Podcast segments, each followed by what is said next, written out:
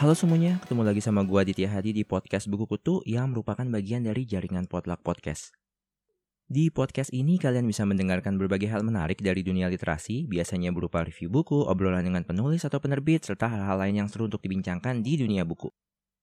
Kalau kalian gak mau ketinggalan cerita-cerita terbaru dari dunia buku, langsung aja follow akun Instagram gua di @podcastbukukutu dan akun Twitter gua di @podcastbuku.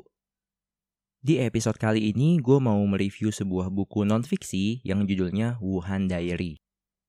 Dari judulnya aja kita udah bisa tahu bahwa buku ini berisi kumpulan catatan harian dari seorang penulis asal Tiongkok yang namanya Fang Fang. Beliau ini kalau di Indonesia mungkin bisa disamakan dengan Dewi Lestari atau Eka Kurniawan lah, penulis novel yang sudah malang melintang di dunia literasi dan penulisan. Dan ketika virus COVID-19 ini mulai merebak di Wuhan, kebetulan Fang Fang sedang tinggal di kota tersebut. Ia pun menjadi salah satu warga Wuhan yang terdampak saat kota tersebut di lockdown. Dan di kondisi yang mencekam itu, ia merasa perlu untuk menulis sebuah catatan harian akan kondisi di kota tersebut. Karena itu, isi buku ini pun dimulai pada tanggal 25 Januari 2020 dan selesai pada tanggal 24 Maret 2020 yang merupakan akhir dari masa lockdown awal di Wuhan. Uniknya, buku Wuhan Diary ini sebenarnya tidak ada versi bukunya di China. Fang Fang ini menulis catatan harian tersebut di platform yang namanya Weibo, semacam media sosial terbesar di China, kayak Facebook gitulah. Catatan harian Fang Fang tersebut kemudian menarik minat seorang penerjemah bernama Michael Berry yang langsung menerjemahkannya ke dalam bahasa Inggris, membuatnya dalam versi buku dan menerbitkannya di Amerika Serikat. Versi buku tersebut kemudian diterjemahkan lagi ke bahasa-bahasa lain termasuk ke dalam bahasa Indonesia oleh penerbit Bentang Pustaka.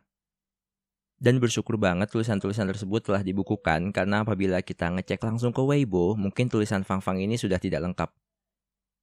Karena dengan begitu sensitifnya tulisan yang dibuat Fang Fang, pihak pemerintah atau pihak Weibo banyak melakukan pensensoran yang membuat banyak tulisan Fang Fang telah dihapus dari platform tersebut dan hal ini juga diceritakan oleh Fang Fang di buku Wuhan Diary ini. Hal menarik lain dari buku ini adalah proses pembuatan dan penerjemahannya yang bisa dibilang begitu kilat. Bayangin aja, Fang Fang menulis catatan harian selama bulan Februari hingga Maret 2020 kan, waktu kota Wuhan mengalami lockdown, yang di buku ini disebut dengan istilah kunci tara. Secara paralel, sang penerjemah Michael Berry langsung menerjemahkannya hingga versi buku bahasa Inggrisnya terbit sekitar bulan Mei 2020. Begitu versi bahasa Inggris terbit, penerbit Bintang Pustaka langsung menerjemahkannya hingga akhirnya bisa terbit di Indonesia sekitar 6 bulan kemudian. Sungguh waktu yang cepat banget untuk timeline penerbitan dan penerjemahan sebuah buku. Dan hal ini memang sepertinya harus dilakukan karena pihak-pihak yang menerbitkan buku ini mungkin khawatir akan ketinggalan momen, yaitu berakhirnya pandemi COVID-19 ini. Tapi sayangnya, Sampai sekarang pun bahasan di buku ini masih tetap relevan karena virus COVID-19 ini masih terus menyebar khususnya di negara kita, di Indonesia. Bahkan gue sendiri kemarin sempat kena dan sempat menjalani karantina juga di sebuah puskesmas. Jadi gue bisa merasakan betapa nggak enaknya kena virus itu baik untuk tubuh maupun kehidupan sosial gue. Untungnya sekarang gue udah negatif dan bisa menjalani aktivitas seperti biasa dan membaca buku ini di saat gua beneran kena virus COVID-19 tuh sebuah pengalaman yang unik banget sih. Kembali ke isi buku Han Diary ini, sang penulis benar-benar memberikan gambaran yang real, yang nyata tentang apa yang dirasakan oleh warga Wuhan saat keputusan lockdown diumumkan oleh pemerintah. Mulai dari kebingungan tentang apa yang harus mereka lakukan, kemarahan karena sebelumnya pemerintah mengatakan bahwa virus ini nggak akan menyebar antar manusia, Rasa frustasi karena banyak pekerja medis yang sebenarnya sejak awal sudah vokal bersuara, tapi nggak digubris oleh pemerintah. Mereka akhirnya malah harus meninggal karena virus itu. Bahkan di buku ini ada cerita tentang para dokter yang kadang begitu lelah harus menangani begitu banyak pasien, mereka sampai nggak bisa gerak sama sekali untuk nolong pasien yang lain. Bukan karena nggak mau, tapi ya nggak bisa karena begitu lelahnya mereka bekerja terus-menerus. Karena pasien yang masuk memang nggak kunjung habis. Buku Wuhan Diary ini pun bercerita tentang rasa marah penulis dan banyak orang di Wuhan juga atas tingkah banyak orang yang sebenarnya tidak tinggal di Wuhan tapi justru menyebarkan berita bohong dan fitnah. termasuk memfitnah Fang Fang sendiri yang memang benar-benar tinggal di Wuhan. Mirip nggak sih sama tingkah-tingkah buzzer yang sering berseliweran di skena media sosial Indonesia? Jadi kalau kalian berharap analisis medis atau pandangan ahli tentang virus COVID-19, kalian nggak akan menemukannya di buku Wuhan Diary ini. Karena Fang Fang memang nggak berasal dari latar belakang medis. Buku ini justru memberikan gambaran yang jujur tentang apa yang dirasakan oleh warga Wuhan, bagaimana kegelisahan mereka, ketidakberdayaan mereka, dan perjuangan mereka menghadapi lockdown. Buku ini juga nggak banyak mencantumkan berita-berita terkait virus COVID-19 yang banyak kita temukan di media, karena menurut Fang Fang, kalau udah ada di media, ya untuk apa ditulis lagi? Ada sih tambahan beberapa fakta atau pandangan medis, tapi lebih ke, oh menurut dokter A tuh begini-begini, menurut dokter B begini-begini, jadi ada narasumbernya yang ia kutip, bukan dia bicara langsung. Karena itu buku ini terkesan raw banget, terkesan mentah banget, yang justru membuat buku ini menurut gue menarik dibaca dan beda dengan buku-buku lain yang membahas tentang virus COVID-19. Kalau kalian suka atau tertarik untuk membaca kisah nyata yang terjadi waktu awal penyebaran virus COVID-19 di Wuhan seperti yang gue ceritain tadi, bisa langsung aja kunjungi toko buku kutu di Tokopedia dan Shopee. Toko buku kutu digabung semua ya. Di situ kalian bisa beli buku Wuhan Diary ini dan seperti namanya, toko buku kutu adalah toko buku online milik podcast buku kutu dan podcast main mata yang sama-sama berada di dalam naungan jaringan Potluck Podcast. Dengan membeli buku di toko buku kutu, maka kalian telah mendukung keberlangsungan podcast buku kutu ini. Thank you banget yang udah beli buku di toko buku kutu, baik di Tokopedia maupun Shopee. Selanjutnya, gue akan jelasin lebih lengkap review gue terhadap buku Wuhan Diary karya Fang Fang ini di segmen kedua.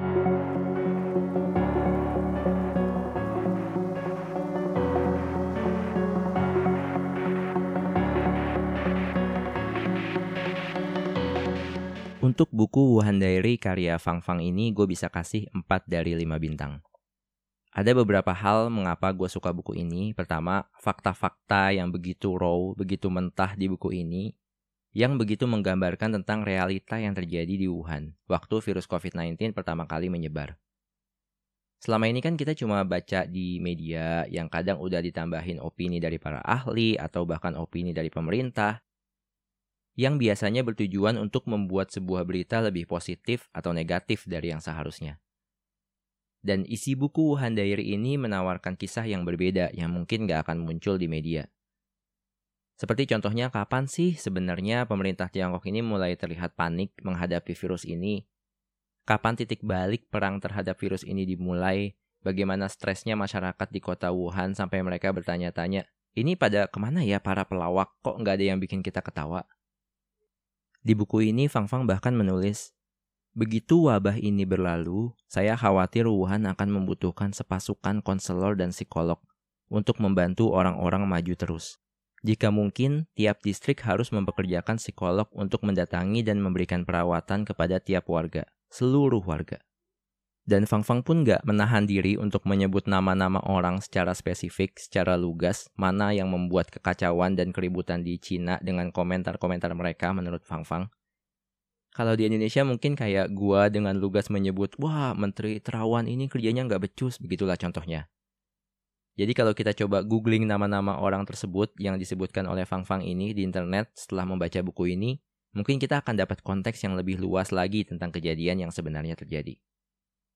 Kedua, buku ini menarik banget karena meski merupakan buku non-fiksi, cara bercerita Fang Fang di sini begitu mengalir seperti layaknya novel. Penuh dengan diksi, deskripsi, dan imajinasi yang lebih luas bila dibandingkan buku non-fiksi lainnya. Mungkin emang karena Fang Fang ini backgroundnya penulis novel ya, jadi dia emang terbiasa menulis seperti itu. Hampir di setiap bab, Fang Fang ini memulai dengan menjelaskan, oh hari ini hujan atau hari ini cerah dan semacamnya. Contohnya seperti kutipan berikut. Hari ini lagi-lagi cerah dan terang. Saya teringat pada buku dari masa kanak-kanak saya yang berjudul Hari Cerah Terang. Sekalipun sekarang saya tidak ingat lagi apa isinya. Beberapa hari lalu saya berpikir bahwa kembang prem pasti sudah rontok semua saat ini. Tetapi kemarin saya kaget karena semua pohon prem di pekarangan kami berbunga merah meriah. Bertahun-tahun saya tidak pernah melihat pohon-pohon tersebut berbunga seperti itu. Gilang gemilang mengumumkan kehadirannya dengan warna-warni nan cantik. Selain karena fakta-fakta yang dijabarkan di buku ini yang begitu mentah, begitu realistis, serta cara bercerita Fang Fang yang begitu deskriptif seperti novel, gue juga suka buku Wuhan Diary ini karena dengan bentuknya yang begitu real, begitu nyata, buku ini bisa seperti menjadi pengingat bagi kita apabila kita mengalami lagi pandemi seperti ini. Mungkin banyak yang akan bertanya, emang kita bakal ngalamin pandemi kayak gini lagi ya, Dit? Bukannya kata Yuval Noah Harari di Homo Deus, manusia itu udah bisa ngatasi penyebaran virus mematikan dengan perkembangan ilmu farmasi, kedokteran yang makin canggih. Gue cuma bisa jawab, ya buktinya kita sekarang masih ngalamin kan. Dan gue juga sempat nonton sebuah video di YouTube dari John Oliver. Dia punya acara judulnya Last Week Tonight. Dan di season terbarunya di tahun 2021 ini, dia menjelaskan tentang kemungkinan the next pandemic. Alias pandemi selanjutnya. Gue akan cantumin linknya di deskripsi, tapi intinya menurut dia, setelah melihat penjelasan dari para ahli, manusia di planet bumi ini akan terus dihantui dengan pandemi selanjutnya. Mengapa? Karena dengan penggundulan hutan, perkembangan area hunian ke area yang sebelumnya merupakan tempat tinggal satwa liar, predator untuk hewan pembawa virus seperti tikus, kelelawar, itu akan terpinggirkan atau bahkan punah. Sehingga populasi kelelawar dan tikus tadi tambah banyak dan mereka berpotensi menularkan virus baru ke manusia. Ditambah dengan adanya manusia yang masih suka memelihara, memakan, atau bahkan berwisata ke tempat tinggal hewan-hewan seperti itu, ke gua-gua tempat kelelawar seperti itu, masih adanya pasar hewan di mana kelelawar dan tikus dekat posisinya dengan hewan-hewan eksotis lain yang nantinya bisa jadi carrier, pembawa dari virus tersebut dan kemudian menularkannya pada manusia. Kacau sih kalau hal-hal kayak gitu masih ada. Gue cuma bisa berdoa mudah-mudahan kita dijauhkan dari the next pandemic tadi. Tapi apabila misalnya pandemi itu terjadi lagi, menurut gue buku Wuhan Diary ini harus banget dibaca oleh orang yang hidup saat itu. Terutama pihak pemerintah ya, biar nggak terjadi kekacauan serupa seperti sekarang. Karena gue lihat pemerintah-pemerintah sekarang kan kayak nggak ngerti, nggak tahu harus bagaimana. Karena kita nggak punya banyak catatan sejarah dari misalnya pandemi flu Spanyol tahun 1918. Dan seharusnya dengan adanya buku Wuhan Diary ini, mereka jadi ada pegangan. Buku ini tuh menurut gue mirip banget sama buku The Plague karya Albert Camus yang begitu detail menjelaskan tentang situasi yang terjadi dan apa yang dilakukan pemerintah saat pandemi terjadi. Tapi bedanya kalau The Plug yang sudah diterjemahkan dengan judul Sampar itu kan cerita fiksi. Tapi Wuhan Diary ini non-fiksi. Intinya mungkin dengan kemajuan ilmu farmasi, kedokteran, vaksin dari virus yang sedang menyebar bisa cepat dibuat. Seperti yang kita rasakan juga di pandemi COVID-19 ini. Tapi alangkah baiknya kalau pandemi bisa dicegah dari awal atau ditanggulangi secepat mungkin dengan belajar dari cerita-cerita di buku Wuhan Diary ini agar tidak perlu ada ratusan ribu atau jutaan orang yang harus meninggal karenanya seperti sekarang. Seperti salah satu perkataan Fang Fang di buku ini. Generasi mendatang perlu tahu apa saja yang telah dialami oleh semua orang di Wuhan. Ya, menurut gue generasi mendatang emang perlu banget tahu apa aja yang dialami oleh semua orang di Wuhan. Jadi kalau kalian pengen tahu tentang kisah nyata yang terjadi di Wuhan, penasaran dengan lanjutan dari cerita-cerita yang gue angkat tadi, serta pengen bersiap apabila terjadi pandemi berikutnya, langsung aja baca buku Wuhan Diary karya Fang Fang ini. I think that's all. Thank you banget buat Bentang Pustaka yang udah mendukung episode podcast buku kutu kali ini.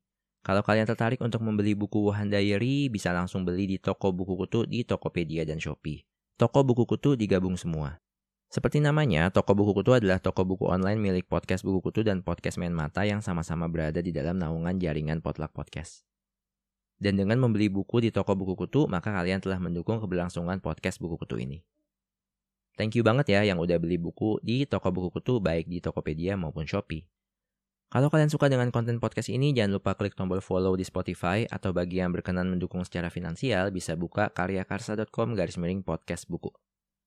Kalau ada yang punya rekomendasi buku untuk dibahas atau topik yang menarik, gue terbuka banget akan masukan dari kalian. Langsung aja hubungi gue lewat Instagram at podcastbukukutu, Twitter at podcastbuku, atau email ke podcastbukukutu at gmail.com. Jangan lupa juga untuk beri dukungan bagi jaringan Potluck Podcast, caranya follow aja akun Instagram at Potluck Podcast. I think that's all. Thank you for listening. See you and ciao.